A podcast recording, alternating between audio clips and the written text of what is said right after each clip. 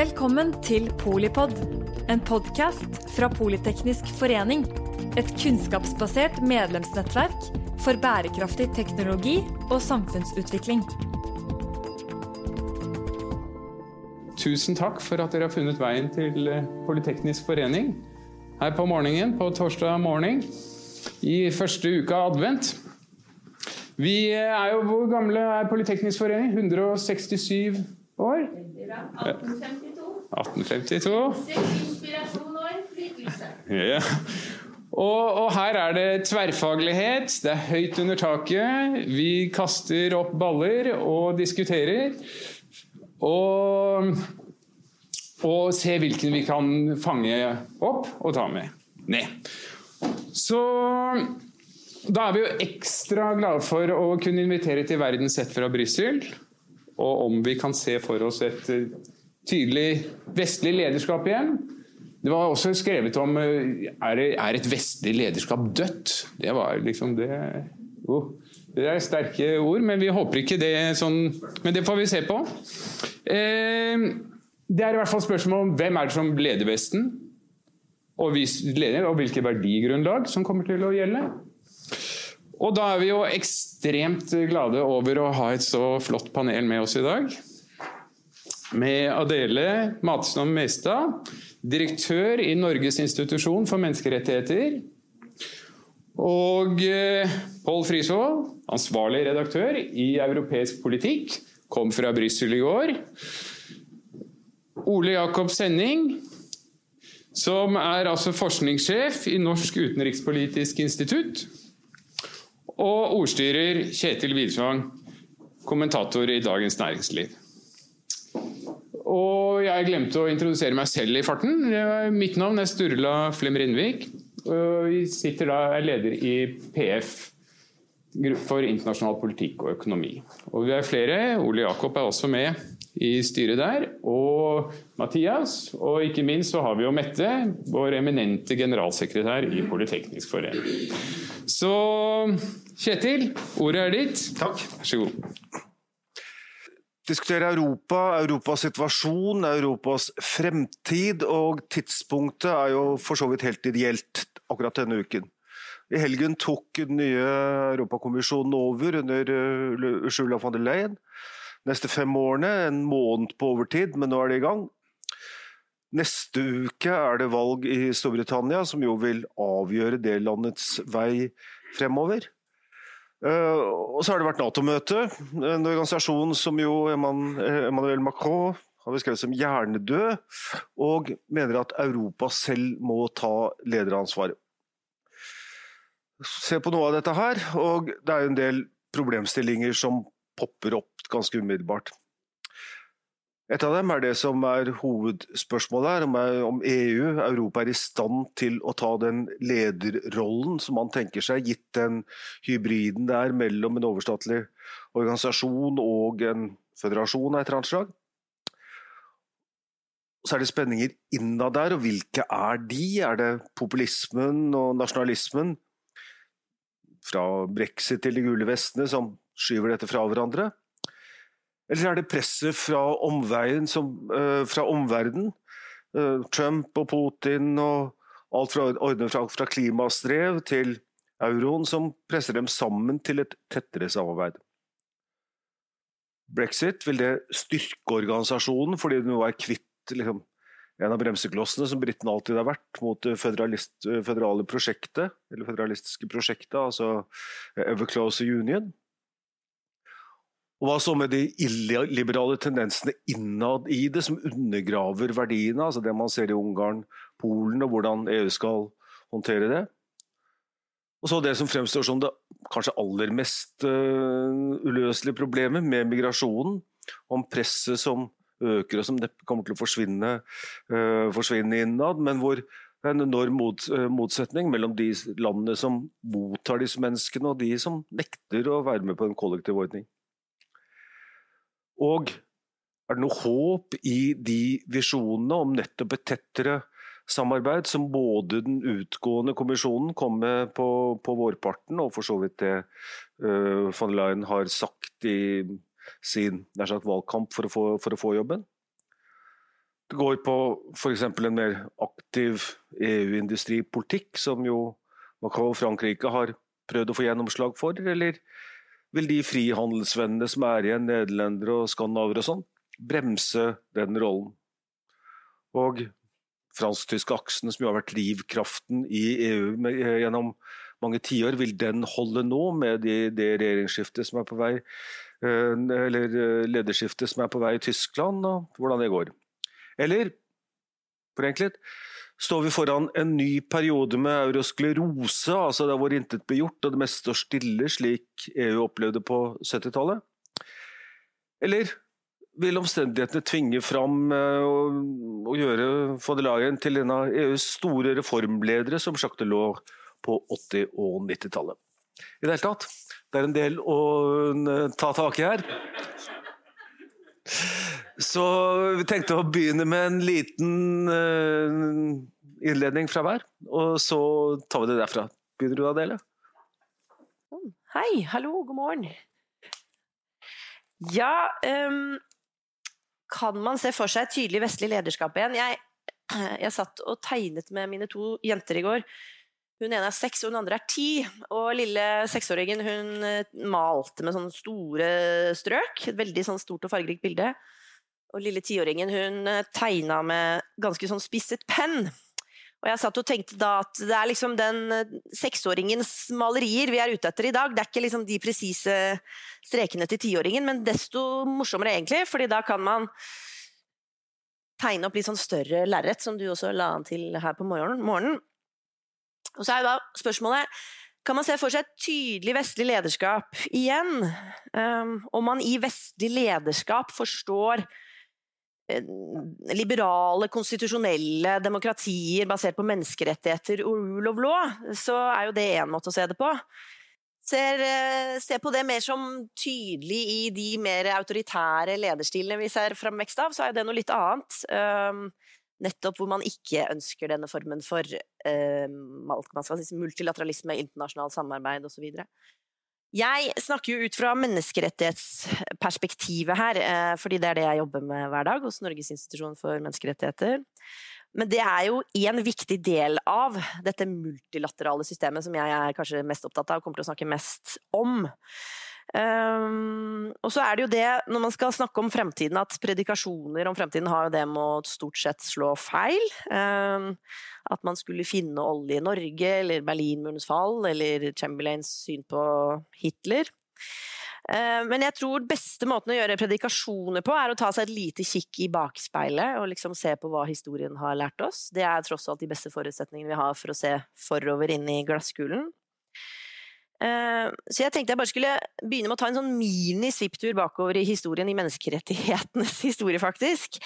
Eh, for å, å, sette det inn i det multilaterale perspektivet som jeg kommer til å ha hovedfokus på her i dag. Eh, menneskerettighetenes historie er jo veldig lang, men den begynte jo primært etter andre verdenskrig, hvor man hadde gjort seg en erfaring om at Eh, demokratiet kan ødelegges innenfra, at man trenger noen faste rammer, noen normative rammer rundt den demokratiske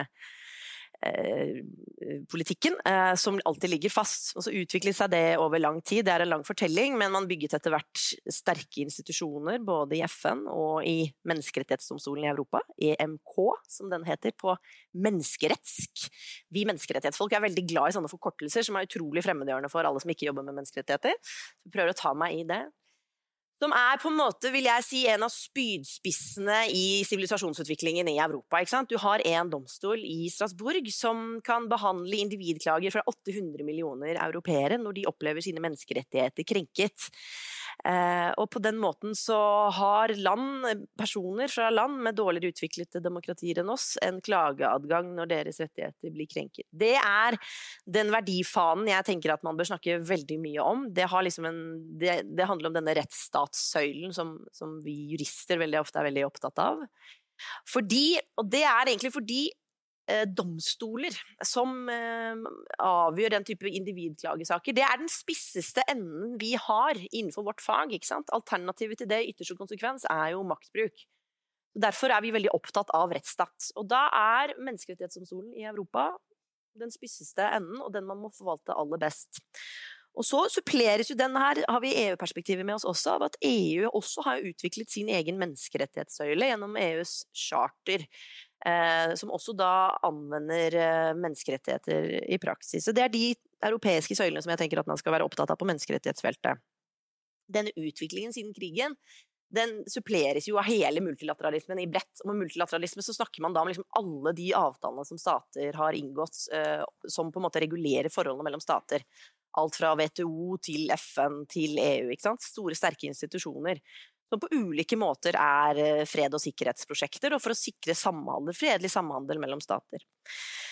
Um, og så, det som skjer nå All denne utviklingen har skjedd over tid. Og så ser vi nå det som vi kaller for pushback, kaller vi det da. Pushback mot menneskerettighetene snakker man gjerne om.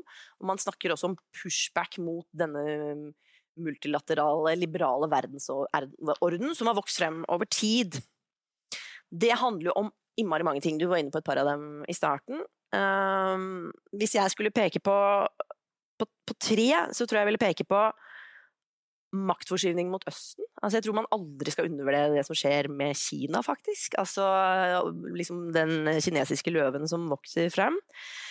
Jeg tror vi bare har sett starten på stormaktsrivaliseringen mellom USA og Kina. Menneskerettslig er det også innmari interessant, fordi eh, Kina forfekter jo et slags syn om at sivile og politiske rettigheter er i veien for økonomisk vekst. De sier vi kunne ikke hatt full ytringsfrihet og demokrati her, da hadde vi ikke fått til den vanvittige økonomiske veksten vi har sett i Kina over tid. Um, men vi sikrer økonomien til alle våre borgere og løfter millioner av mennesker ut av fattigdom. Det er det vi er opptatt av. Det er ikke at vi ikke bryr oss om menneskerettigheter, vi bryr oss om andre menneskerettigheter. Vi bryr oss om økonomisk trygghet, kulturell eh, økonomisk trygghet, kanskje særlig sivile og politiske rettigheter er vi ikke så opptatt av. Det synspunktet tror jeg, smitter, det tror jeg smitter litt, faktisk. Det tror jeg det er flere ledere som har latt seg inspirere litt av. Og det er et synspunkt som jeg kan av og til bli litt overrasket over at flere kjøper. Vi snakker om liksom, et land som behandler minoriteten sin på en helt forferdelig måte, og hvor ganske få stater peker på det, men heller peker på den voldsomme økonomiske veksten. Dette er fryktelig komplisert, jeg er klar over det, men det er noe man må være veldig klar over. Og så er det Et annet punkt som jeg tenker er helt avgjørende når vi snakker om alle mulige pushback mot disse multilaterale systemene våre og mot vår forståelse av det liberale demokratiet, og det handler om den digitale utviklingen. Det er massivt. Vi ser det hver dag. Det endrer måten vi kan tenke om demokrati på, det endrer måten vi kan tenke om ytringsfrihet på. Det endrer hele offentligheten vår på, fordi at algoritmene til de store selskapene premierer de mest spissede diskusjonene. Man får helt uh, fremvekst av endimensjonale verdensbilder hvor det er veldig lite rom for nyanserte synspunkter. Uh, og det er veldig dumt, fordi verden vår krever veldig mangefasetterte mangefasettert språk, mangefasetterte løsninger. Det er ikke den nye digitale virkeligheten vår så innmari egnet til å ivareta. Og så er det tredje er det mer sånn overordna den liberale verdensorden under press, snakker vi gjerne om. ikke sant? Det handler om økonomisk misnøye, misnøye med globaliseringen, beslutningstakere som borgerne oppfatter at sitter veldig langt fra dem. De lokalpolitikerne man var vant til å kjente ansiktene på, de er blitt sånn ansiktsløse folk der ute. Veldig mange føler vel kanskje at de falt av globaliseringstoget også. Eh, og I tillegg så har vi sett, det ser vi særlig på menneskerettighetsfeltet også, en veldig sånn svekket tillit til de systemene som jeg snakket om i stad. Menneskerettighetsdomstolen lider under en massivt legitimitetsproblem fordi de er overloadet av saker som de ikke klarer å ta unna. FN prøver å få til liksom, effektivisering av sine systemer, men, men, men, men har svekket legitimitet som følge av mangler ressurstilgang osv. Så, videre. så de store, sterke institusjonene våre som vi bygget frem over tid, de strever litt nå. Um, og så er det jo, som du også var litt inne på, asyl og innvandring. Det er en sinnssyk katalysator for motstand mot særlig menneskerettighetene. Det er et veldig viktig poeng. at eh, når man ser all debatt om menneskerettigheter i nesten alle land i Europa, så handler det om asyl- og innvandringsmotstand. Og så ser vi også en særlig ny form for verdibasert motstand mot menneskerettighetene i Øst-Europa, som handler om at mange nok mener at pendelet har svinget for langt i å beskytte liberale rettigheter, som f.eks. LGBHTI-rettigheter osv. Så, så dette er veldig sammensatt. Um, så det var egentlig det jeg tenkte skulle tegne opp som sånn bakgrunnsteppe. Jeg har ikke noe godt svar på hvem som skal holde denne fanen fremover, egentlig.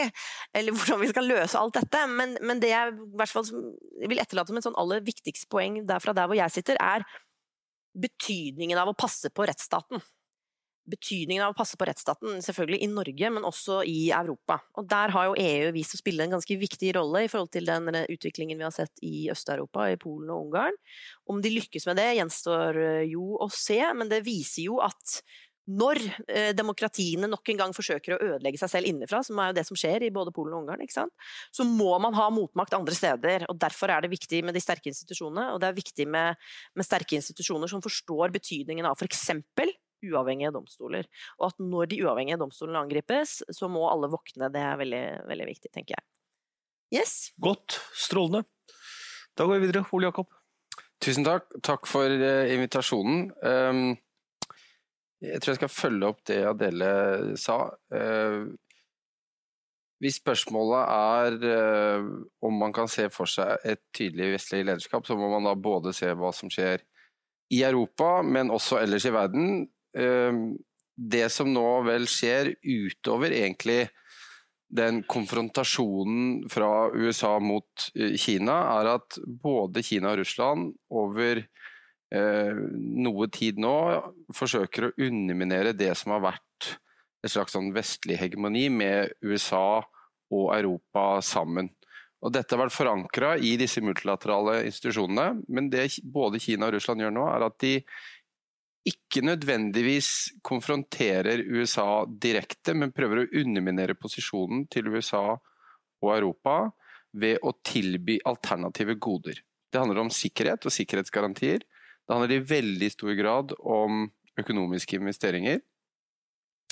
Og det handler om å levere alternative normer og prinsipper som, som kan tiltrekke måte, oppmerksomhet og bygge opp soft power. Så bare noen få eksempler på det. Eh, OSCE eh, sender ut valgobservatører eh, til, til, mange land, og så konkluderer disse observatørene med at sånn, dette var ikke et fritt og rettferdig valg. Og så sender Shanghai Cooperation Organization, hvor Kina og Russland er sammen, de sender også valgobservatører dit og konkluderer med at jo, dette var et fritt og rettferdig valg. Og Plutselig så får du da en utvanning av disse normene og prinsippene som har vært ekstremt viktige for vestlig lederskap, og det ser du i, i veldig mange land.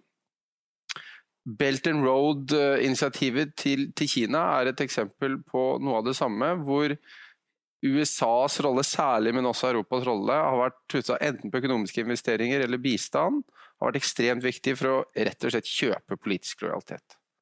Så kommer det en alternativ tilbyder av eh, noe som ser likt ut, men med litt annen innpakking, og, og plutselig så ser måte, alliansemønstrene veldig annerledes uh, ut. Så den siden av dette er veldig viktig. og Dette er måte uavhengig av Trump, uavhengig av brexit, og også uavhengig av intern uenighet i Europa. Samtidig så, så forsterkes nok denne tendensen av eh, Donald Trumps eh, atferd og det han gjør eh, internt i USA, men også selvfølgelig i, utenrikspolitikken. Eh, det er i økende grad diskusjoner i USA om å på en måte frakoble seg eh, det vi stort sett kaller globalisering, eh, både politisk og økonomisk. Jeg tror ikke det kommer til å gå så langt som mange mm, frykter eller hevder at det vil. Verdens største selskap, målt i, i verdi, er vel fortsatt Apple, tror jeg. Alle deres iPhoner, eller i hvert fall veldig mange av de, lages i Kina. Det er ikke så lett å se for seg at den detachment-prosessen, eller løsrivelsen som mange snakker om, kommer til å gå så langt. For Europas del og for EUs del eh, så er jo eh, det er en sånn perfekt storm, ikke sant? med først det ene med underminering fra Kina og Russland, Uh, via det multilaterale systemet og via egentlig også markedsmekanismer, kombinert med Donald Trump og så får du brexit og gule vester og uenigheter internt i Europa på en og samme tid. Men dette er jo også et uttrykk for eh, ganske sterk misnøye, som forteller oss noe om at veldig mange stater har rett og slett mistet sin evne til å levere det innbyggerne eh, forventer av dem. Så De har på en måte en verktøykasse som egentlig ikke passer med de utfordringene eller de eh, problemene de står overfor. Det har større historiske strukturelle forklaringer. Noe av det kan spores tilbake til finanskrisen og spareprogrammer i kjølvannet av det, men det er også en del, del andre ting. Så I dette perspektivet så er jo vestlig lederskap på vei med å fizzle out. eh.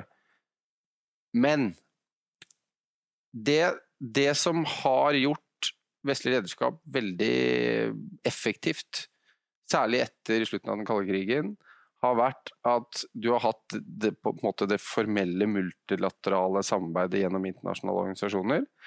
Men rundt det så har du hatt frivillige organisasjoner og firmaer, og særlig frivillige organisasjoner som opererer i nesten alle land, som i det store og det hele har støttet den vestlige liberale agendaen. Det er en armada av aktører, inkludert presse, som har vært pro disse liberale verdiene. Så ser du nå at eh, Russland, men kanskje særlig Kina, forsøker å gjøre noe av det samme. altså rett og slett Bygge opp det man ofte kaller soft power. Men det går ikke veldig bra. Det går ikke så bra som man ofte kan få inntrykk av når man leser om disse initiativene som, eh, som Kina og andre eh, forsøker å, å fronte. Det er det ene. Det andre er at EUs markedsmakt er eh, betydelig. Eh, det er mye å si om EUs økonomi, Europas økonomi med altfor lave investeringer i ny teknologi osv. osv. Men når EU bruker sin markedsmakt, så, så svir det fordi den rettes mot i veldig, veldig stor grad. Hvis dette skal måte gjøres virksomt i en sånn ny situasjon vi er, så kan ikke EU operere sånn som det har gjort, hvor, hvor man har forsøkt å definere seg som en sånn normativ makt globalt. Du må gjøre det, de verdiene må være der, men man kan ikke tro at som, ja, vi er en annerledes stormakt. Vi driver ikke med realpolitikk, vi driver bare og sprer gode normer. Det funker ikke. Fordi det, det, er en tiltagende konkurranse og rivalisering. Da må EU bruke den maktpolitiske verktøykassa som EU har, på en helt annen eh, måte. Eh, det var en veldig god kronikk, eller et uh, debattinnlegg i Financial Times uh, denne uka eller forrige uke, uh, hvor det ble argumentert veldig godt for at det EU må gjøre, er å levere public goods, offentlige goder, som, er, som gir merverdi til innbyggerne i Europa. Det kan handle om klima. Det kan handle om at euroen blir en global currency på en måte som det ikke er i dag. Ehm, det handler om migrasjon, og det handler om screening og beslutninger om investeringer i Europa fra bl.a. Uh, uh, Kina. Slik det er i dag, så handler det europeiske prosjektet først og fremst om integrasjon. Men dersom man flytter fokuset til hva er det EU kan levere av offentlige goder som ikke gjøres på nasjonalt nivå i dag, så vil dette se annerledes ut. Og det vil være helt nødvendig for å håndtere de, den spliden, elitekritikken, som man ser i mange eh, europeiske land. Så det er, det er, mye dårlig nytt, men det er noen sånn gode nyheter. Og det er rett og slett at den verden vi er på vei inn i, er på mange måter bedre tilpassa EUs verktøykasse eh, dersom EU evner å utvikle og bruke den verktøykassa. Det handler bl.a. om at eh, det er veldig mye global makt som ligger i eh, markedsnettverk globalt. Det er veldig veldig mye fokus på sikkerhetspolitikk og Nato og European Defence Fund og tettere integrasjon militært i Europa og sånn. Det er viktig. Det er veldig, veldig mye av det maktpolitiske spillet som ikke skjer der, men som skjer på et helt annet nivå, som skjer hver eneste dag. F.eks. USAs evne til å kutte Iran ut av den globale økonomien. Det kan de bare gjøre fordi de kontrollerer disse globale nettverkene. EU kan utvikle og bruke noe av det samme. Og det må de gjøre. Det samme gjelder da dette med, med investeringer og uh, EU-kommisjonærens uh, forslag om carbon adjustment, border tax osv. på klima. Disse tingene vil være kjempeviktige i åra som kommer. Jeg tror jeg slutter der. Glimrende. Topp. Pål? Ja, øh, hva kan man si etter alt dette her? jeg, kanskje jeg skal gå tilbake til den der teksten på den invitasjonen som har gjort at alle dere har stått opp så forferdelig tidlig og kommet her for å høre på oss. Det er helt imponerende. Tusen takk for det. Og det er Verden sett fra Brussel. Og det, eh, verden sett fra Brussel kan ses på mange måter, men det er helt klart at uh, verden ser ut som uh, at du har en bølle i Washington. Ikke sant? Uh, han er jo ikke noe mer enn, eller mindre enn det. den der videoen med Trudeau, Macron og Rutte i går var ganske symbolsk i sånn sett, at alle står og ler av han. Så du har en bølle som da som er Eh, artikulert mye mer avansert enn det jeg kan, uh, rikker ved hele denne etterkrigstidens arkitektur som vi har klamret oss til. Uh, og som vi er veldig avhengig av, uh, og som setter vår rolle litt i spill. Og på den andre siden så er det også, som Ole Jakob nevnte, et Kina. Altså, Bøllen i Det hvite hus han driver med ren utpressing. Han setter deres evne til å oppfylle 2 %-krav i forsvarsbudsjettet opp mot uh, handelspolitiske tiltak. Uh, hva var det som dominerte toppmøtet i Nato i forgårs? Selvfølgelig Macrons uh, utsagn om hjernedød, men det var jo også da trusselen fra denne bøllen da, om at han skulle ilegge ikke 20% som han gjør på Kina, men 100% toll på fransk vin. Altså, og, slik at han er helt Uh, han, han, han, kan vel ikke se hvor går hen. Uh, så det man ser der, er at det skaper en veldig samlende effekt. Altså en, en vilje til å samle seg mer. Fordi at Europa kan enten samle seg innenfra, eller de kan samle seg som en resultat fra trusselen utenfra. Og da har Trump gjort oss en kjempetjeneste. Så egentlig, som eurofil som jeg er, så er både brexit og Trump det er liksom gaver fra Vår Herre. Det er så bra. For endelig får vi spark i ræva. ikke sant? Hvordan skal denne konstruksjonen med 27 land klare å utføre de rollene som dere har snakket om? Jo, uh, å få en portugiser og en finne og en polakk og en ire til å samarbeide, det er jo ikke lett. altså. Det, det kommer ikke av seg sjæl. Men det kommer når man møter med sånne ting. Så du har bøllen der, og så har du det der, den der økonomiske, sakte det der, tusen millioner års perspektivet av kineserne, som bare ruller inn.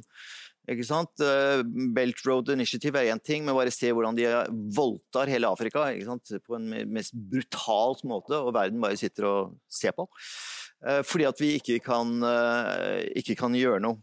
Og det som da skjer i Hongkong nå, det er jo antageligvis det mest spennende som, er, som har skjedd på, på veldig lenge. For hvordan skal dette ende, og hva skal vi som vår lille fredsprisnasjon gjøre neste oktober? Det blir veldig spennende om vi da eh, må, må føye oss inn overfor disse kineserne, eller om vi tør å stå opp. Så vi ser to poler som sier Hva sier de, disse to kreftene? Jo, de sier at bekrefter det som ble sagt her nå, multilateralismen er død.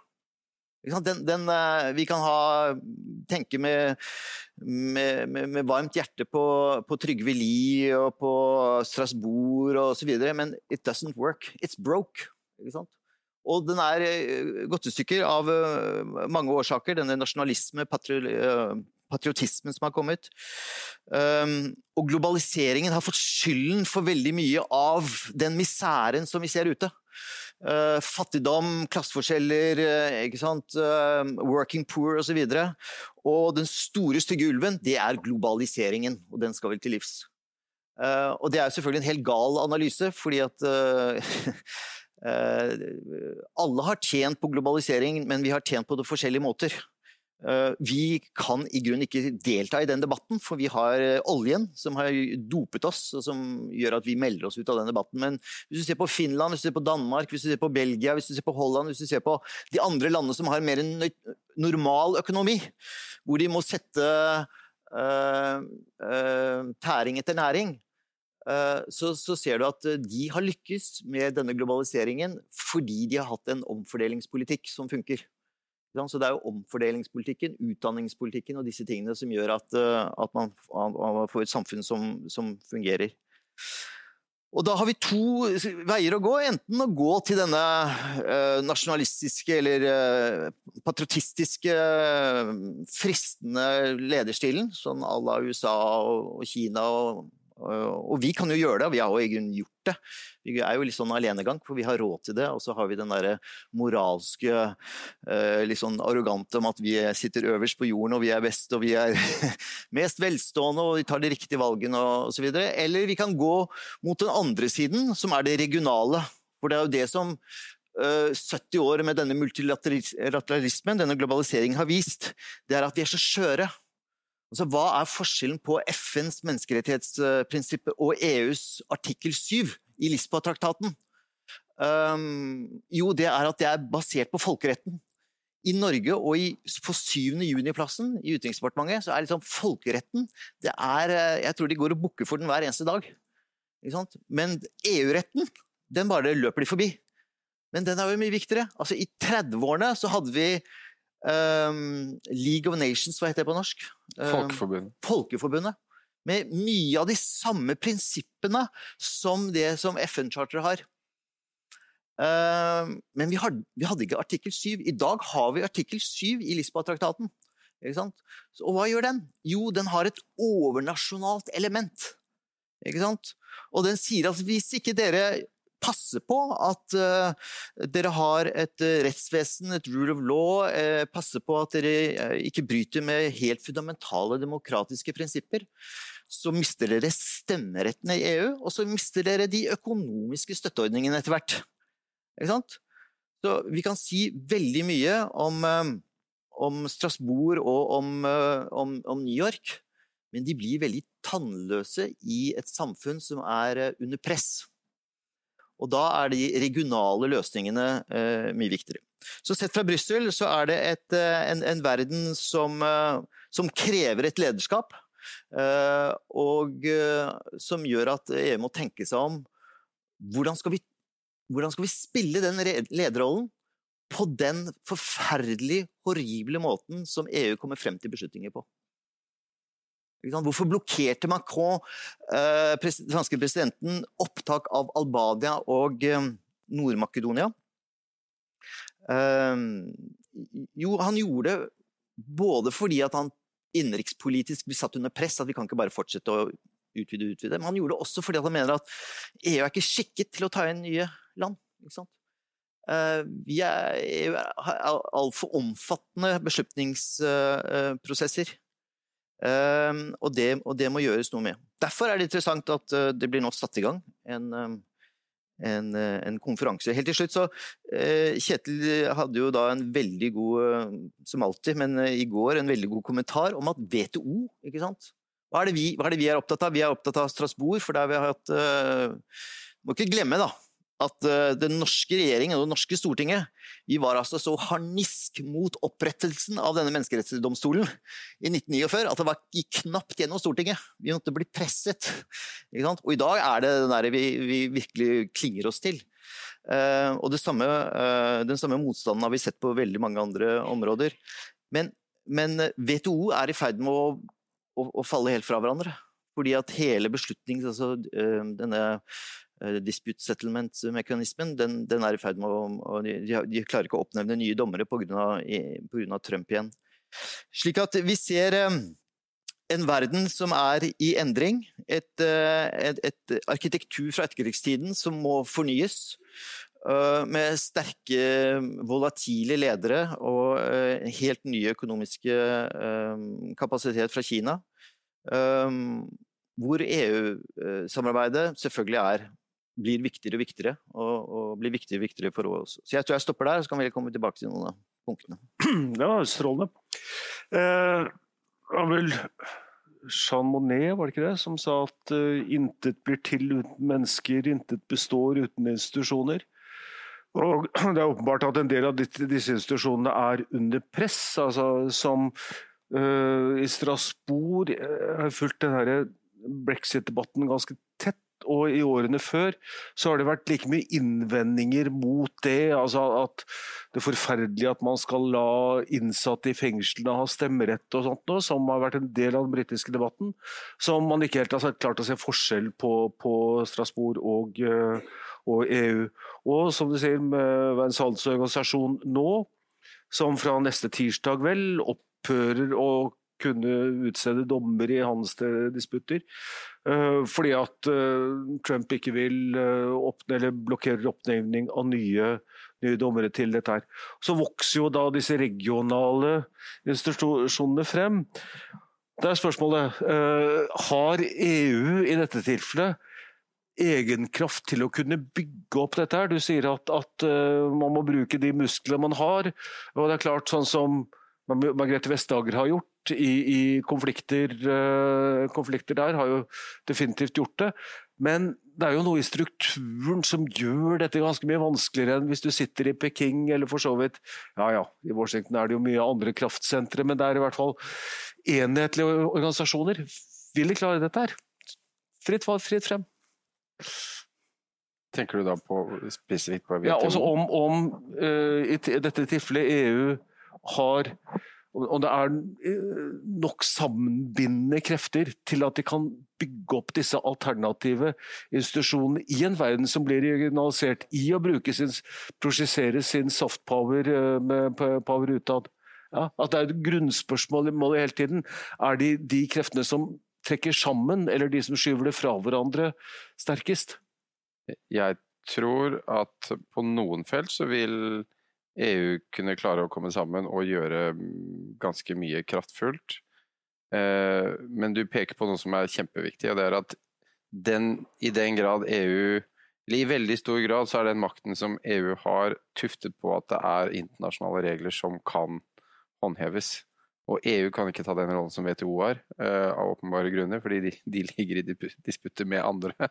Uh, så hvis det systemet for å håndtere handelsdisputter rakner, da, da, ser det dårlig ut for verden, men det ser også veldig dårlig ut, og, og kanskje enda dårligere ut for, for EUs del.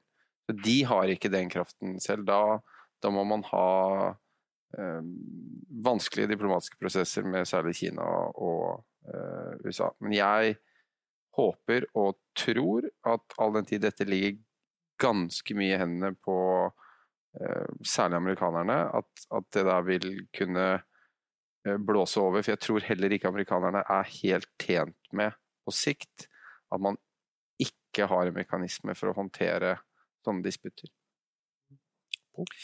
Ja, nei, altså Det slår meg at når vi snakker om EU her hjemme, så snakker vi om EU som det var én ting. Altså, bare for en anekdote. Um, jeg kommer fra Brussel i går kveld og har tilbrakt to dager med norsk avfallsbransje. Ikke sant? Og du kan hevde at EU er et elitistisk prosjekt. Til og med uh, Lise Rye skriver at EU er et elitistisk prosjekt. Denne boken vil jeg anbefale. Men når jeg har sittet i to dager og diskutert eh, hvordan man skal innsamle, sortere, distribuere, gjenbruke tekstiler, plastikk, metaller osv., så, videre, så er ikke EU veldig elitistisk, altså. Eh, dette er EU eh, e består av eh, veldig mange konkrete, pragmatiske problemstillinger som vi er bare nødt til å finne løsninger på. Og Eh, den dagen med denne ganske konkrete, jordnære debatten om de mest eksistensielle tingene Vi snakker til og med om avløpspolitikk, og jeg skal ikke fortelle dere om det her i, i dag morges. Men det er altså en veldig vanskelig problemstilling som hele Europa står overfor, og som ingen land kan løse alene. Så hører jeg på Robert Mood på Dagsnytt 18 som sier at eh, ja, ja, i den verden hvor EU har en eksistensiell krise Hæ? Uh, eksistensiell krise Ja, vi har jo brexit. Uh, ok. Mm. Ja. Uh, så liksom brexit er EUs skyld? Ja, kanskje det. Det er i hvert fall en eh, wake-up call. men det er veldig langt fra den visjonen om en eksistensiell krise til de konkrete problemløsningsmekanismene som finnes i Brussel på disse områdene. Så Derfor så blir det litt vanskelig. og snakke om uh, Vi kan filosofere om at verden er i endring og multilateralismen er død og sånn, men det pågår liksom hver eneste dag en sånn derre kjempemaurtue av aktiviteter for å prøve å løse de problemene vi, vi, vi står overfor. Og så er det snakk om liksom, Kan du løfte de der, den der pragmatiske regelutviklingen til å bli en sånn modell for verden? Som Ole Jakob er inne på. Eh, Kan, kan de spille eh, og, og der er jo den debatten om, om NATO, eh, Natos hjernedød veldig veldig interessant. Og, og, og der blir vi igjen møtt med en sånn veldig tra- tradisjonell norsk holdning. Altså Alstadheims eh, vinkling i Dagens Næringsliv, og også generelle Kommentator-Norge, om at EU kan jo ikke spille noen rolle sikkerhetsmessig. Altså, hallo, de har jo ikke noe, de har ikke noe uh, sentral eh, kommandostruktur. Ikke sant? Det er jo det Nato har. Ja, gå inn og se på hva vi sa til Menneskerettighetsdomstolen i 1949, til opprettelsen av stål- og kull- og stålunionen i 1954, til alle til opprettelsen av IEA, fra opprettelsen av IMO. Vi har hatt den samme holdningen hele veien. Nei, det kommer ikke til å fungere! Vet du at Ambassadøren i Paris han sendte ikke hjem engang en melding til Utenriksdepartementet når eh, disse seks første EU-landene ble enige om kull- og så var det en eh, norsk diplomat som hadde lest om det i Die Welt. Da, så sa han til ham ja, men jøss, har du ikke, nå må du følge med timen, da. Er du bare på cocktailparties? Nei, men det- det kommer aldri til å bli ratifisert i hovedstedene. Bare glem den der kull- og stålunionen. Ja, og Det er den holdningen vi har nå til EUs forsvarspolitikk. Anført av Jens Stoltenberg, selvfølgelig, men han passer jo på sin organisasjon. Eh, Men da har vi ikke forstått hvordan Europa eh, fungerer. For Europa fungerer ikke med de store visjonene, selv om du har Jacques Delors og noen sånne visjonære. Men det fungerer med at man begynner litt. Man begynner i én ende. Nå har vi laget et eh, forsvarsfond, vi har laget en forsvarsstruktur hvor Norge bare Altså, vi må jo alle gi Ine Marie Eriksen Søreide knebeskyttere til jul, for de må være veldig utslitte, de hun har brukt til nå. For nå har altså den norske regjeringen eh, sittet på knærne i Brussel i snart to år for å prøve å komme med på dette. Slik at eh, Ja, øhm, det er noe som er i emning, ikke sant? Det er, hva heter det? There's painting on the wall. Ja, nei, jeg synes Det er kjempeinteressante perspektiver. Jeg er helt enig med det. for Det det er et eller annet med den der forestillingen vi til enhver tid har om at eh, det vi nå tror og vet eh? Det der med at eh, all den motstanden vi har hatt mot strukturer og systemer som har tjent oss vel, som har vist seg å tjene oss vel. Da. Og det må vi liksom ha med oss når vi ser inn i den der glassbobla fremover eh, også. At eh, det er fortsatt ting i vår samtid som vi ikke fullt forstår, men som vi først vil forstå når vi ser, ser det bakover.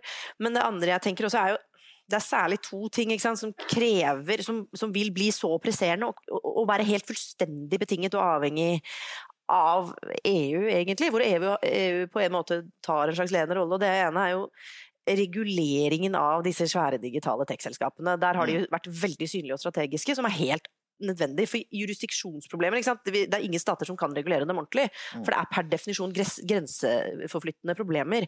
Man, er, man, man kan ikke forholde seg til det annet enn gjennom internasjonalt, sterkt Mm. internasjonalt samarbeid. Der har EU vært, syns jeg i hvert fall, det er kjempevanskelig, og det er ingen som får det helt til, men, men litt tatt ledelsen da, gjennom både hele GDPR-arbeidet og gjennom også måten de nå prøver å få, få regulert denne felles offentligheten vår på en litt bedre måte. Og det andre er jo selvfølgelig klima. klima. Altså klima, Man må egentlig alltid bare snakke om klima, fordi det er jo det som er vår store fiende. Jeg vet ikke hvor mange av dere som ser på Game of Thrones, men der, der er det ikke sant? Alle kriger med hverandre, og så kommer White Walkerne, som er sånne fæle zombier der ute. Og det er det, er det som er klimaendringen. ikke sant? På et eller annet tidspunkt så må alle trekke sammen, og det er jo når det først blir ille nok. Og da vil antagelig, i hvert fall i europeisk sammenheng, EU være i lead. Uh, og det er de også nå. Og det tror jeg vil på en måte presse frem betydningen av EU på et vis, eller det vil bli selvforsterkende, fordi alle vil skjønne at dette er også per definisjon grenseoverskridende problemer som, som må løses. Og da er det dit man vil gå, særlig når USA er spilt ut på sidelinjen hva gjelder liksom klimainitiativet, og, og FN ikke fungerer så effektivt som man skulle ønske, så er det EU som, som står igjen. Og da Så på særlig de to områdene så tenker jeg at det på et vis vil også styrke den institusjonelle legitimiteten til EU. Da. Ja, du kan, men du kan jo snu det, altså, Det når, det når det gjelder klima. Og si at, at øh, selv om de ikke ser den veien ut nå, så hvis kineserne bestemmer seg, så ligger jo NIM-byene litt dårlig an. Mens i Europa så vil jo uansett, så lenge du har det systemet, det være litt den som går langsomt, som bestemmer farten. Ja, nei, altså, Vi er jo i en fantastisk situasjon. Vi er i ferd med å få et nytt storting i 2021, hvor eh, fem av syv partier er mot EU. ikke sant? Uh, og som vil bruke det handlingsrommet til å skalle av hvert eneste direktiv for å få minst mulig påvirkning av EU. Samtidig så har vi en politisk og juridisk realitet i landet vårt, Uh, godt illustrert av denne Nav-skandalen at eh, det er jo EU som styrer samfunnet vårt i en veldig stor grad. Eh, Noe som eh, mange prøver å, å si at nei, det er ikke riktig, for vi har jordbrukspolitikk, vi har landbrukspolitikk, vi har fiskeripolitikk osv. Ja, vi har en del sektorer som ikke er direkte berørt via de viktigste redskapene, men de er selvfølgelig berørt på en rekke andre områder. Så vi, er, vi, er, vi kommer i ganske morsom situasjon nå, altså. At vi ikke har ett eneste parti uh, som er villig til å stå opp og forsvare, men også kanskje, det som blir enda viktigere, forklare hva dette vil si å være en EU-borger, som alle vi er. Altså, vi er jo ikke EØS-borgere. EØS er altså, Snakk om hjernedød. altså, EØS må vi bare Vi må bare se bort fra det. EØS er ikke, det, er ikke, det fins ikke. Men det det, det det fins, det er EU, og vi er på samme måte som Sverige og Danmark EU-borgere.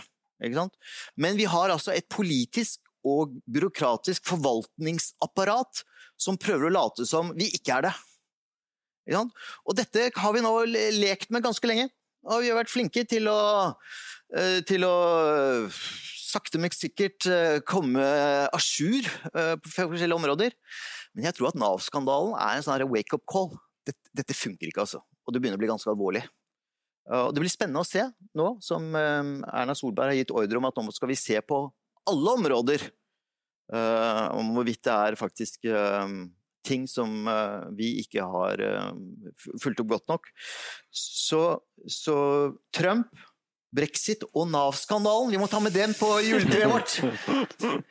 Bortsett fra at vi syns veldig synd på de stakkarsene som har lidd av dette, og det er helt forferdelig at jeg sitter og sier det her, men, men det er ganske bra, altså. Vi, treng, vi trenger den.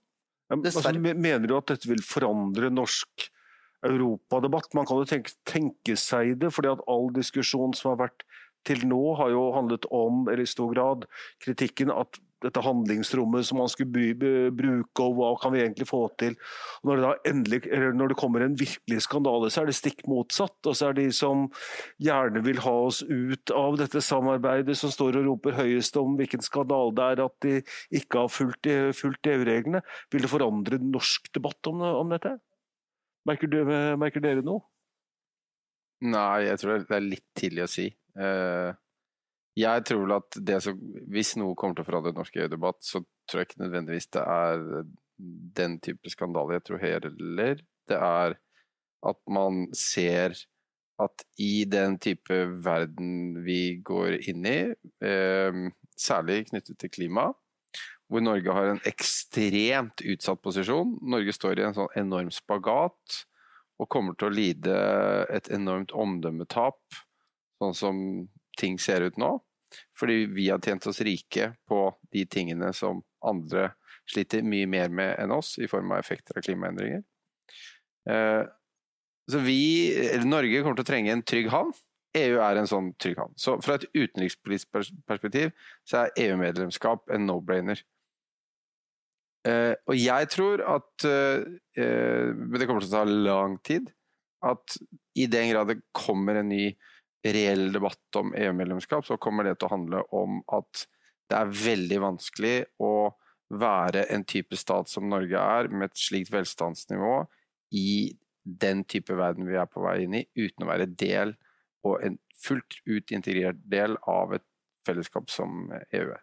Ok, Bare for å følge opp litt der. Ja. Altså, de tre-fire norske EU-søknadene har jo alle kommet som resultat av eksterne begivenheter. Altså Suez-krisen, som da får britene til å søke i eh, begynnelsen av 60-tallet. Eh, De Gaulle, eller 68-opprøret og de Gaulles avgang som gjorde at du da slipper til, og så eh, slutten på den kalde krigen. Mm. Er det noe sånt eventuelt? Altså, vil det være et sånt eksternt sjokk som drar i gang en ny norsk debatt? Jeg tror det. Uh, nå, kli, på klimafeltet for eksempel, så er det sånn Norge har jo lagt seg helt opp til EU på, på klima. Det var en god beslutning, tror jeg. Men nå driver man da og diskuterer om uh, man skal ha sånn karbonfangst og -lagring, en kjempestor investering i, i det i Norge. Som, det er vel investeringsbeslutning neste år på ikke, 20 milliarder i støtte eller et eller annet sånt. Alt dette forutsetter jo at uh, EU eller Europa er med på det, den infrastrukturen Norge vil velge å bygge.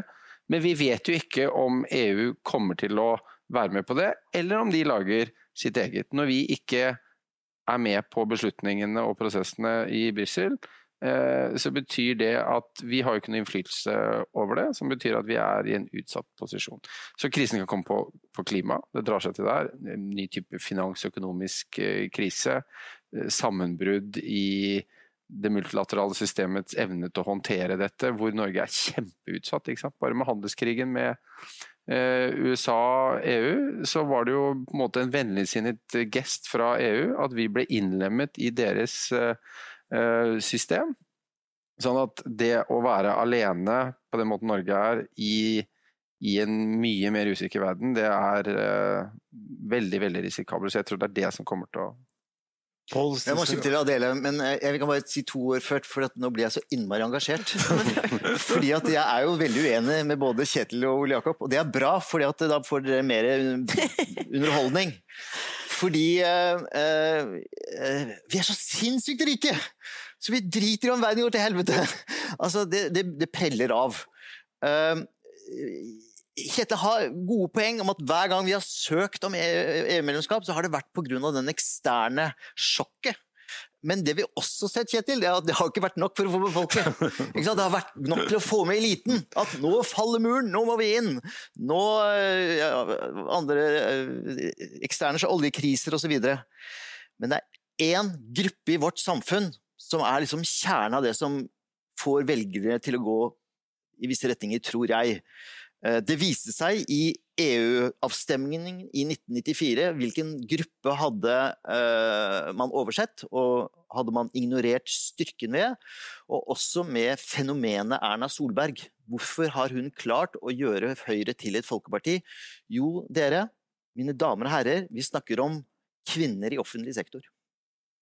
Vi har en voksende offentlig sektor. Det er bare å se på OECD-tallene. Den eser ut til eh, vår store hodepine, men det gjør den. Eh, Vi har en regionalpolitikk som gjør at vi får sterkere og sterkere og mer mer penger inn og drive, eh, opprettholde regioner osv. Og, så og det er veldig stor andel av kvinner som jobber i denne offentlige sektoren. Nav-skandalen! Det er der mitt poeng kommer. Der kommer Nav inn! For disse kvinner i offentlig sektor som ikke ønsker markedsadgang, som ikke skjønner hva karbonfangst og -lagring er for noe, som ikke er så veldig opptatt av klimaendringer. Kanskje de er det, forresten. Det er det, skal jeg ikke si. Skal ikke være, skal ikke være nedlatende. Men, men vi må se verden ut fra deres perspektiv. Det er trygghet. Ikke sant? Det er liksom Ok, det er langt til Brussel, men det er også et et marked, fri flyt av altså Det høres jo helt forferdelig ut, så kan du skremme fanden på flatmark. Men det der med rettigheter, det er viktig. Vi er et rettighetssamfunn på mange måter. Og Nav-skandalen har vist at det er ikke så dumt å knytte oss til et rettighetssystem som er mer rettferdig, mer sjenerøst enn det vi har hjemme. Så Derfor tror jeg Nav er en game changer. Godt. Adele, skulle du si noe? Nei, det, jeg tror ikke jeg skal kommentere på kvinner i offentlig sektor og deres syn på klima. Særlig, jeg tror kvinner i offentlig sektor er veldig opptatt av klimaendringer. så må være veldig Ja, jeg sa det. Du Jeg sa det, jeg sa det. henta Ja, deg. ja, ja, hentet ja, deg. ja, ja. Det var veldig Jeg bra. må, gjøre, jeg må gjøre noen feil også, herregud. Vi må ha det litt moro. Men jeg tror eh, Du sier at vi er et land som er opptatt av rettigheter, og det tror jeg på et vis er riktig. Men jeg mm, Ja, nå skal man jo ikke liksom kaste enda flere bekymringer inn her, men jeg tror eh, Og det er jo liksom hele norske utenrikspolitikken er bygget på det. ikke sant? Vi er en småstat eh, med grense mot Russland. Vi er helt, helt fullstendig avhengig av at denne internasjonale verdensorden virker. For vi har ikke mulig, altså, Hvis ikke så går alt veldig veldig galt for Norge. Det er liksom, I den siste stortingsmeldingen så er det jo det som er, det er det de skrives om på alle sider, egentlig.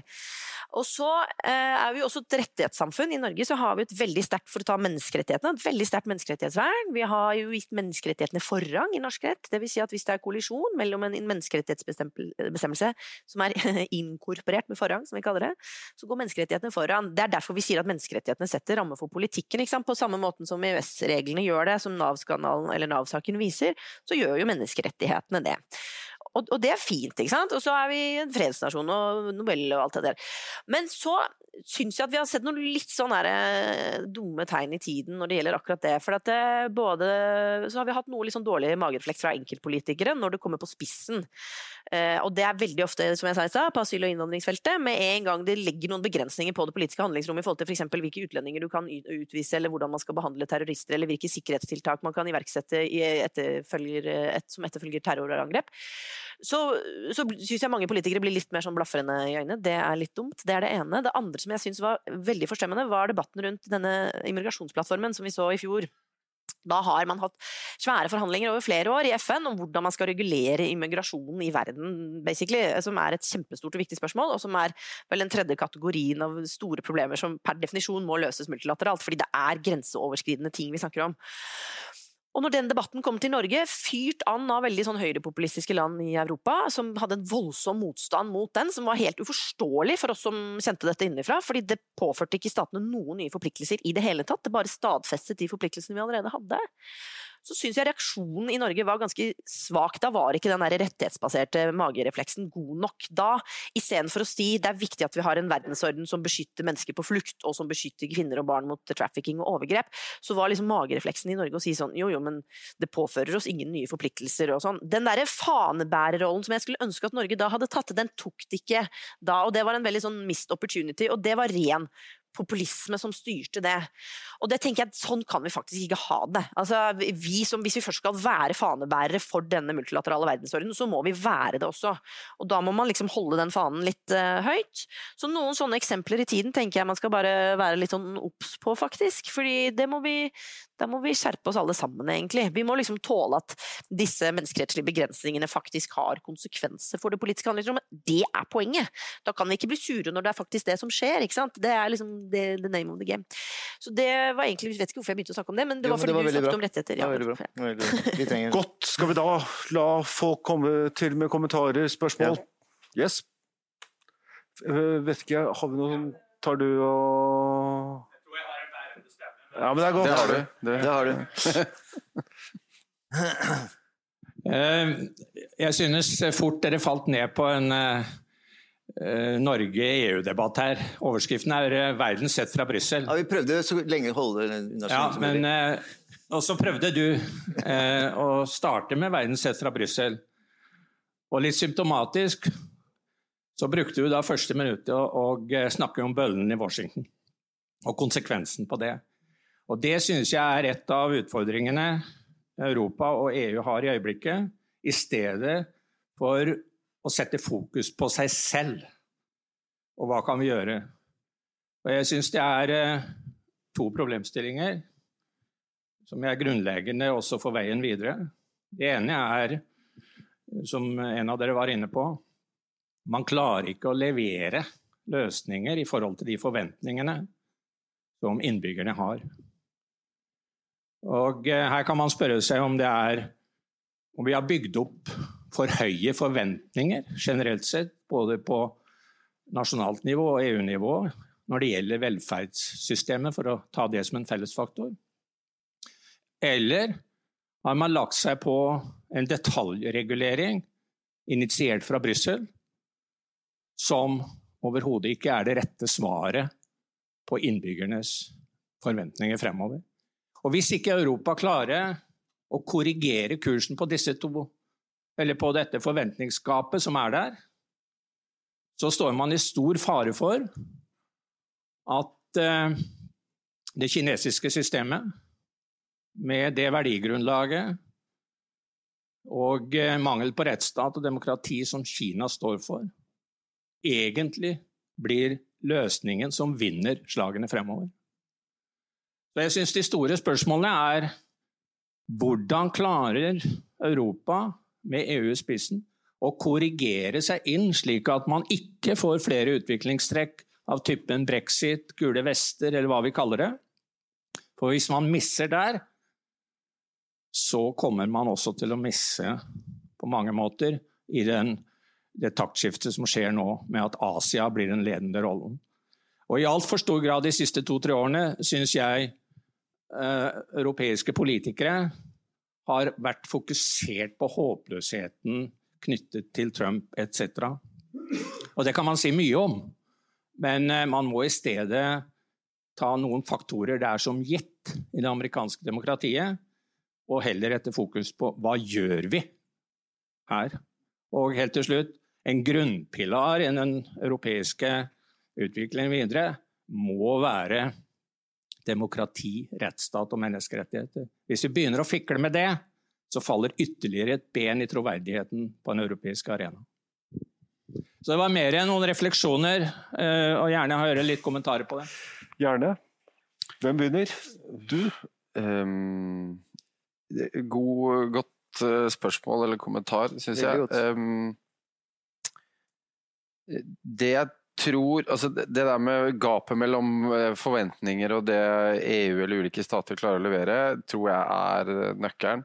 Hvis vi ser uh, Det er enorm økning i protester globalt, ikke bare i Europa. altså Enda mer egentlig i andre land. Det handler i stor grad om korrupsjon, enorm mistillit til politiske eliter. De klarer ikke å levere offentlige tjenester som oppfattes som relevante og gode og effektive. Du har noe av det også i Europa. Altså er, det, den gode nyheten er at hvis du ser på Eurobarometer, sånn survey, meningsmålinger, så er det høy grad av støtte til demokrati og menneskerettigheter, men det er høy grad av mistillit mot politiske eliter. Og ut, altså styrken i et lands utenrikspolitikk bestemmes i veldig, veldig stor grad, og mer og mer, av indre styrke. Altså at hvis du har trøbbel på hjemmebane, er det veldig vanskelig å føre en effektiv utenrikspolitikk. Veldig mye av det du ser nå i USA, og Europa, er et resultat av indre problemer som får resultat for utenrikspolitikken. Så det å rydde internt, som du tror jeg liksom peker på, er kjempeviktig. Eh, og der tror jeg at det, det som er trusselen fra, fra, Kina, er rett og slett sånn forhold mellom eh, det Det er sånn fagterm Input-legitimitet. Det er at det er gode prosesser på Det er derfor vi har eh, rettsstat og demokrati.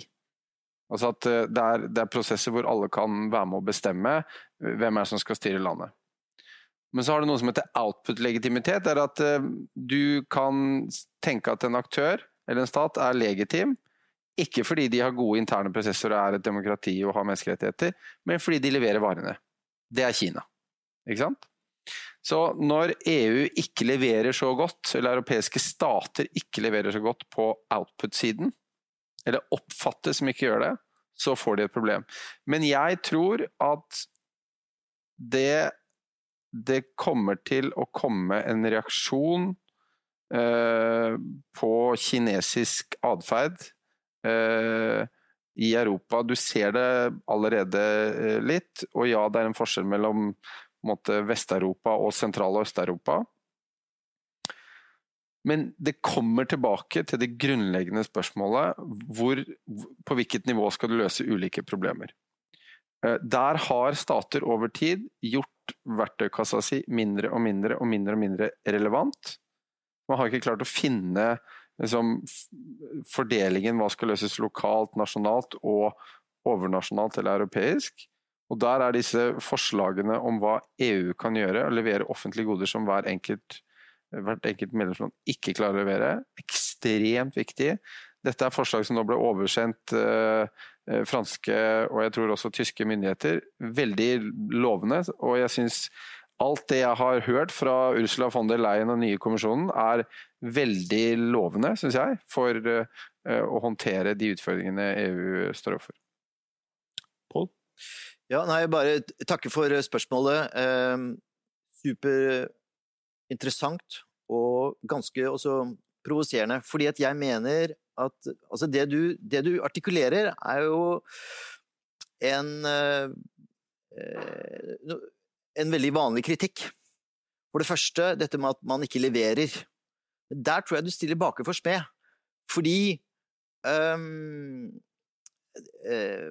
de gule vestene, er det globaliseringens skyld, eller er det Frankrikes manglende evne til å drive et godt økonomisk samfunn basert på en rettferdig omfordelingspolitikk?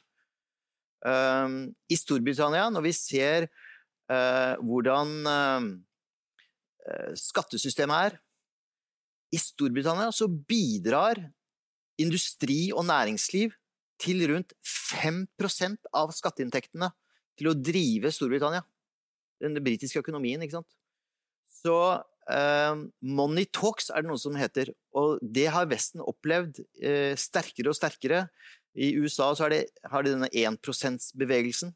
Slik at eh, næringslivets evner til å få gjennomslag for sine interesser innen skattepolitikken, det begynner nå å gjøre store utslag i form av de urettferdige samfunnsstrukturene som, eh, som vi ser. Og så er spørsmålet Men da må EU gjøre noe.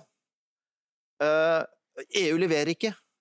Men har EU noen som helst innflytelse på fordelingspolitikk? Nei. På skattepolitikk? Nei. Sosialpolitikk? Nesten ikke, bortsett fra rettigheter, som vi har sett. Eh, Heller ikke på utdanningspolitikk. For når vi snakker om dette samfunnet som vi er heldige å leve i, som har evne til å omstille seg etter uh, nye økonomiske realiteter som, som verden eh, driver oss i, så er det nettopp fordi at vi har et ganske uh, effektivt utdanningssystem på tross av dårlige PISA-resultater. men utdanningspolitikk har heller ikke EU noe de skal ha sagt på.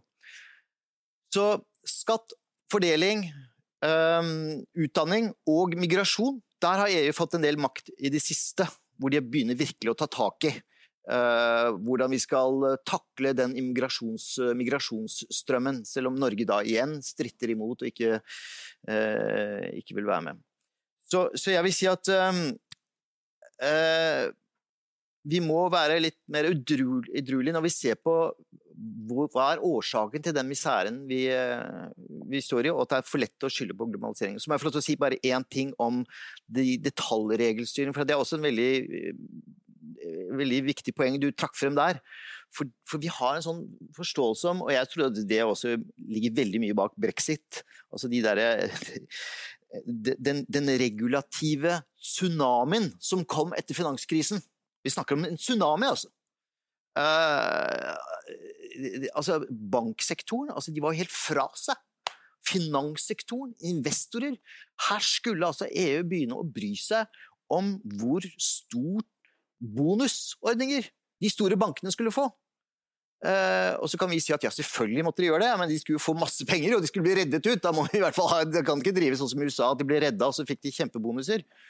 Uh, så, så, så ja, det har kommet masse detaljstyring, men det er på en måte samfunnet som har bedt om det. Og når vi sier at det er EU som er roten i denne forferdelige eh, altså Som jeg sier, de fleste nordmenn, nordmenn tror at Brussel, EU og ESA er ondskapens torturkammer.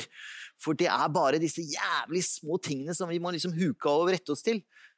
Eh, men det, det torturkammeret er faktisk en forsamling som oss som sitter sånn 37-40 mennesker sammen. Og så tenker vi hvordan skal vi løse det problemet med sjeldne jordarter eller metaller som vi må ha i uh, omstillingen til Hvordan skal vi løse det? Og så er vi alle ganske ja, elitistiske. Vi er godt utdannede, vi har erfaring fra våre respektive næringsliv, og aktiviteter osv. Så, videre. så vi blir litt sånn uh, avanserte. Og resultatet er et veldig godt gjennomtenkt regelverk som antageligvis, ja, er litt for uh, detaljert. Men det er som en reaksjon på de krisene vi stadig kommer til. Men uh, igjen, du, du satte fingeren på veldig viktige problemstillinger. Flott. Flere? Eh, For, for å begynne med det siste, jeg heter Elisabeth Styren for øvrig. Jeg er uh, statsautorisert translatør mellom engelsk og norsk, og er veldig pro engelsk og faktisk pro brexit. Så nå setter jeg i gang noe her. Det, Du, det, tar tak i det siste du sa. Ja. Nemlig at eh, nordmenn anser EU eh, som en slags torturkammer. Ja. Altså, du sitter jo midt oppi det, så du vet helt klart mer om, om dette enn meg. Men det forbauser meg veldig, det du sier. Eh, jeg vet ikke, jeg har følelsen at man nærmest på en måte dessverre ikke er så veldig interessert. Eh, altså, vi er EØS, vi er utenfor, og vi har det veldig bra, tusen takk. Eh, ja. Eh, så vil jeg da gå videre til eh, altså en, Kan Vesten få et eh, tydelig eh, lederskap, altså lederskap fra Vesten? Eh, nå har EU, igjen, unnskyld at jeg sier det, eh, altså sjaltet ut Storbritannia. De har faktisk stemt for å gå ut av EU. Brexit er egentlig et faktum. Altså, jeg kan ikke se at noe annet nå Heldigvis, for det var en demokratisk bestemmelse som veldig mange da i Storbritannia først og fremst synes å ha sett bort fra. At det faktisk var flertallet som bestemte at de skulle ut av EU. Ja. Det het i sin tid, på 70-tallet var det vel, hvor disse store omveltingene kom, eh, fra ungdommen sin side veldig anti-USA. Og da var det noen som sa You're not going to like uh, the world after America. Ikke sant? Hvem kommer da? Kineserne. Nå håper jeg ikke det blir sånn. You're not going to like the EU after Britain went out. Mm. Eh, Jeg føler jo at britene er de Mm. som kunne ha hatt lederskap i Europa, men jeg føler at de ikke fikk sjansen i EU. Det var derfor de meldte seg ut. Mm. EU ble skapt for Tyskland og Frankrike, ja, at de skulle ha forståelse. Hvem kommer frem nå? Frankrike, som egentlig har vært eh, i mitt og mange andre sin eh, the bad boy. De har alltid lagt kjepper i hjulene for eh, Natos bestemmelser. Eh, Nå vil de overta EU og ha lederskapet der. Jeg tror ikke at det blir veldig godt, verken for EU eller for Vesten, for å være helt ærlig. Og jeg har mer tro på at vi ikke kommer til å melde oss inn i EU. Vi kommer kanskje til å joine Storbritannia ut av EU.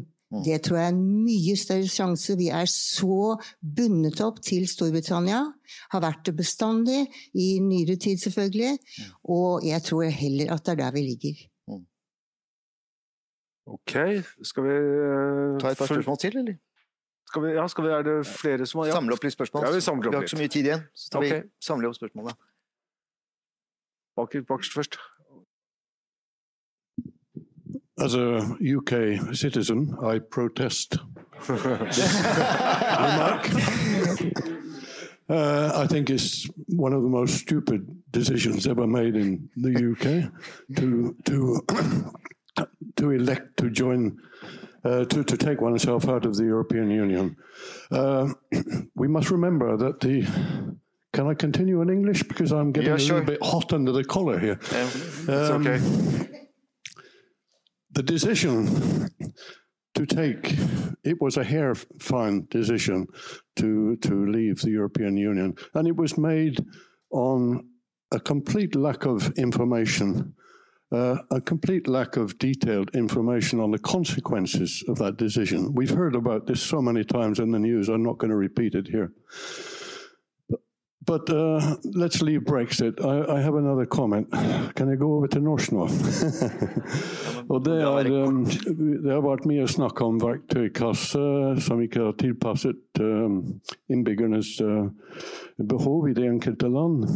Og det er jeg veldig enig i. Men jeg tror at uh, det, en, det kan være en forenkling av situasjonen, fordi at vi ser at uh, de nasjonalistisk, populistiske strømninger som har i deler av Europa, særlig i sør og øst, det har med å gjøre med enkeltpersoner som uh, er nesten fristet til å si Trump-lignende personer som har gått inn i uh, f.eks. Uh, Ungarn og Polen, Italia til og med. Og rett og slett utnyttet situasjonen. Utnyttet disse populistiske strømninger for egne, egne befinnende. Ja, det var det. Takk skal du ha. Eh, Hvis du har kommentarer til det, så tar jeg gjerne imot. Enten på engelsk, norsk, eller, men helst ikke nynorsk. Takk. Helst ikke det. Yes. Eh, ja, eh, jeg vil gjerne at vi skal også se litt eh, fremover. Og jeg lurer egentlig litt på om, om man kan se noe aldersdimensjonsforskjell. Eh, som representant, jeg må vel få lov til å si det, for den yngre halvdelen av denne befolkningen her inne, så lurer jeg litt på om eh, eh, For jeg, eh, altså, jeg tror veldig mange europeiske ungdommer ikke vet noe annet enn EU. Så, er, eh, så vil lederskapet eh, bli mer eh, integrert. Vi vet jo også at de yngste i Storbritannia var jo veldig pro å bli i EU. Så vil det påvirke. Og så er jeg også litt sånn Dere snakker jo om Kina som liksom den store, stygge ulven, og det er eh, for så vidt på en måte riktig, men eh, det hjelper jo ingenting. På en måte. Hvordan skal eh, EU eh, forholde seg til en økende eh, dominering i øst, særlig fra Kina? Så litt mer Litt mer smar, svar og litt mindre norsk EU-debatt på Ja. kommentaren. Takk. Skal prøve å unngå det. Altså, spør, bare sånn oppsummere her. Spørsmål hvilken vei skal brexit tolkes? Altså, er det for mye detaljregulering? Var det derfor de, derfor de ville rømme? da? Altså, Boris Johnsons gamle spesialdisiplin i å skrive om alle de vanvittige banankromisdirektivene og sånt da, som kom? Eller er det det motsatte, at, at uh, disse tjenestene som skal leveres, de rettighetene skal, som skal leveres, som da EU kan gjøre, da, da, eller skal det være, være på nasjonalt nivå? Samme alder. De britiske erfaringene er jo at det var de som var eldre og med lavere utdannelse som stemte mot, det var de yngre med høyere utdannelse som stemte for. Og fordi at pga. demografisk skifte så er det allerede nå et flertall for EU. Om ti år sier de ville vært mye klarere. Er det en allment europeisk tendens, eller hva slags lærdommer skal man trekke? Fritt fram. Jeg føler at jeg snakker for mye. Adele, du begynner. Eller skal jeg begynne? Nei, jeg kan godt begynne. Ja. Jeg syns det siste spørsmålet om aldersdimensjonen er kjempeviktig og interessant. Det er noe vi også ser ganske tydelig på vår felt. Og det er veldig bra, for det vil man jo selvfølgelig er redd for. Og det er derfor den historiske MR-dimensjonen alltid er viktig. ikke sant? For det, det kommer ut fra en erfaring om at demokratiet er ikke nok, det må rammes inn av alle disse strukturene som vi har snakket inn i dag, fordi demokratiene kan bli ødelagt innenfra. Eh, og, og, og så det jeg har liksom bekymret meg for, er jo nettopp at jo lenger man beveger seg vekk fra den siden ved historien, jo, jo mer glemmer man det. At, at Europa var Midtøsten før. Det vil jo ikke de yngre generasjoner føle på samme måte på kroppen som, som de som har levd lenger. Men likevel så er det også på våre felter, sånn som du sier, at forståelsen av dette, også opp, øh, engasjementet for menneskerettigheter og internasjonalt samarbeid, du ser det bare på klimasiden også, er veldig voksende. Så, sånn sett så tenker jeg at man kan være ganske fremtidsoptimistisk egentlig, da, at det vokser frem smartere folk enn øh, enn det kanskje mange av de som styrer akkurat nå er, får vi håpe og tro. Og at når det drar seg tilstrekkelig til, så, så vil den der, det engasjement, det er det vi ser nå, ikke sant? at når det drar seg skikkelig til, så vekkes det engasjementet.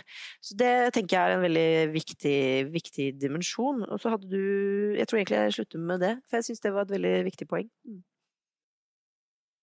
Um, jeg, jeg, til brexit, uh, første spørsmål, eller innlegg. Jeg er litt usikker på om eh, Norge og UK blir en ny great power og maktblokk i verden. Og det, ha, det handler bare om økonomisk uh, styrke. Selv om, det er, selv om Norge har mye til felles med, både historisk og i dag, med med England, så, så tror jeg ikke det blir en sånn fjerde blokk på linje med Kina, USA og EU. Bare si Ja. Det var ikke bare Norge og, E- og, og Storbritannia sammen jeg mente, men jeg mente nå sett fra norsk synspunkt. Ja. Jeg tenker at kanskje mange land i Nord-Europa faktisk etter hvert følger Storbritannia. Det er to, to eh, eller tre egentlig deler av Ja. EU. ikke sant? Det er nord, sør og øst. Ja. Og eh, Nederland eksempel. Jeg vet ikke, jeg. for Men meg hvis er du ser, i hvert fall sist, sist jeg har sjekket uh, på sånn eurobarometer, så er støtten til EU som prosjekt er relativt høy. Og den, den er, som allerede blitt nevnt her, den er høyere hos uh, yngre generasjon. Så sannsynligheten for at det skjer, uh, anslår jeg til å være relativt uh, lav I UK har det alltid vært et annet syn på Europa enn, enn, de, enn på kontinentet, tror jeg. Eh, når det gjelder det med populistiske partier og at dette har blitt utnyttet, så er det helt riktig. Eh, men det er klart Det vil alltid være sånn at for at noe skal måtte bli til en kraftfull politisk bevegelse, så må, så må du ha noen entreprenører som vet å utnytte noen holdninger som allerede ligger der. Det er derfor dette er veldig uforutsigbart. Men når du ser at du ser den samme dynamikken i så mange forskjellige land, at da, da forteller det oss noe viktig om hvor misfornøyd folk er med hvordan tingenes tilstand er, og hvordan de ser på politiske eliter. Bare se på, eh, se på, Nå skal ikke jeg snakke om Norge, altså, for nå har vi snakket mye om Norge. Bare se på Senterpartiet eh, og dets enorme oppslutning. Jeg vil anbefale, hvis dere får tid, eh, Thomas Seltzer eller Trygdekontorets sånne, noen sånne dokumentarer hvor han Fantastisk. tar opp ulvesaken, eller reiser sammen med, sammen med lederen for Senterpartiet. Det forteller oss veldig mye om Norge og motstand mot EU, eh, som det ikke er så lett å fange opp når man er eh, her, i, her i Oslo. Um, når det gjelder det generasjonsaspektet, så uh, er jeg helt enig i at det er en kjempeviktig dimensjon. Og når du ser på, på klimasaken særlig, så kommer dette til å bli Altså Det europeiske politiske landskapet kommer sannsynligvis, hvis det fortsetter mer eller mindre sånn som nå, til å se veldig annerledes ut. For de som nå klimastreiker, altså de som nå går på ungdomsskolen og på, på videregående skole, når de begynner å stemme, eh, så kommer du til å se grønnere partier eh, i mange europeiske land. Eh, EU kan ikke gjøre alt når det gjelder å liksom, møte Kina, men de gjør ganske mye allerede, med sånn screening av investeringer. Samtidig som man jo også har mye samarbeid med Kina. og Vi må jo også være klar over at Europa er avhengig av handel med Kina. Og Europa og resten av verden er avhengig av at Kina eh, investerer tungt i fornybar energi. Både hjemme, men også eh, i Asia og, og Afrika. Så det er det å finne balansen mellom å liksom, sette foten ned på menneskerettigheter og demokratifronten, men samtidig finne områder der Kina og EU har felles interesser av å samarbeide. Det syns jeg var en glitrende oppsummering. Nei, men vent, da kan jeg, jeg må bare én kommentar. Ja vel. Veldig kort til Elisabeth om eh, Norge og Storbritannia. Jeg hadde en sånn depresjon på vårparten hvor jeg trodde at Norge skulle forbli EØS-stat forever. Og da la jeg frem at eh, vi kunne kanskje joine oss sammen med Storbritannia.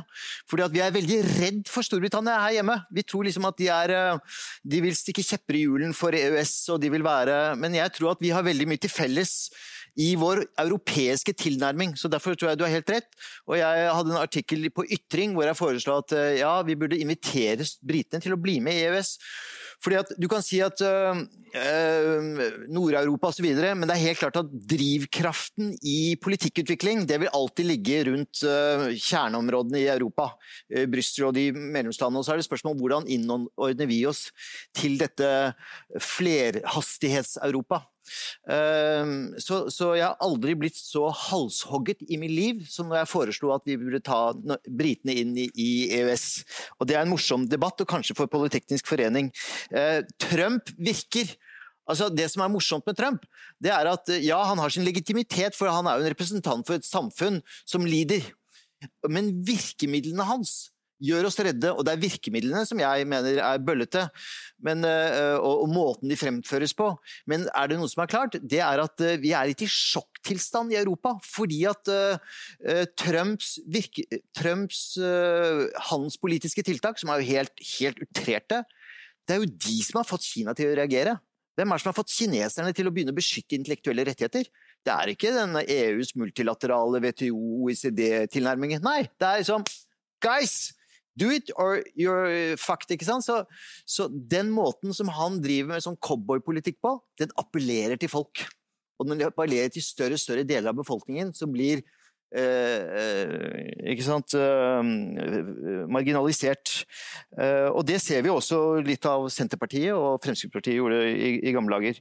Eh, fremtiden er noe som vi, hele den debatten selvfølgelig skulle være dreid seg om. Eh, og eh, ja, jeg tror at eh, eh, hvis vi skal eh, takle Kina, for dette er helt det er riktig at vi kan ikke isolere dem, vi kan ikke late som de ikke eksisterer, men vi kan heller ikke gå på akkord med våre egne verdier. Og da er dette med lederskap, som var utgangspunktet i denne debatten, veldig, veldig viktig. Og av alle de initiativene som vi ser nå fra den nye kommisjonen i Brussel, så er det som Ole Jakob var inne på, antageligvis den aller viktigste, og kommer til å bli liksom litt testen på om dette fungerer i det hele tatt, og det er karbonskatt. Altså det er en, en skatt på alle varer fra regimer, fra land som ikke har klimatiltak. Uh, utrolig kontroversielt. Eh, veldig vanskelig å gjennomføre, men, eh, men, men veldig politisk viktig. Og så blir det det at EU kommer antageligvis da aldri til å enes om hvordan den karbonskatten skal se ut. Men i prosessen av å tenke det, så vil andre land antageligvis også akselerere implementeringen av sine klimapolitikk, slik at vi trenger det ikke eh, til slutt. Så, så lederskap Hvor begynte den klimaskatten?